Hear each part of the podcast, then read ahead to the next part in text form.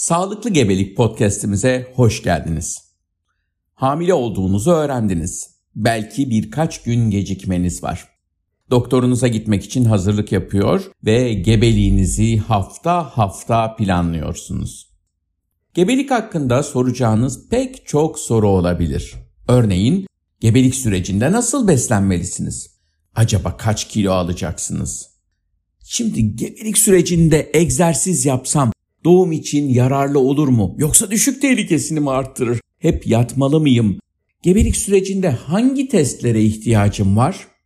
İşte bütün bunları öğrenmek için podcast'imizi dinlemeye devam edin. Çoğul gebelik taşıyor olabilir misiniz?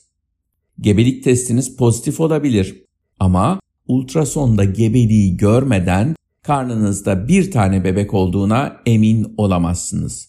Ya erken doğarsa? Acaba hep yatmalı mıyım?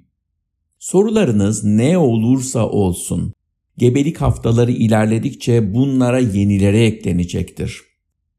Gebeliğiniz boyunca doğru seçimler yapmak hem bebeğinizin hem sizin sağlığı için garanti olacaktır.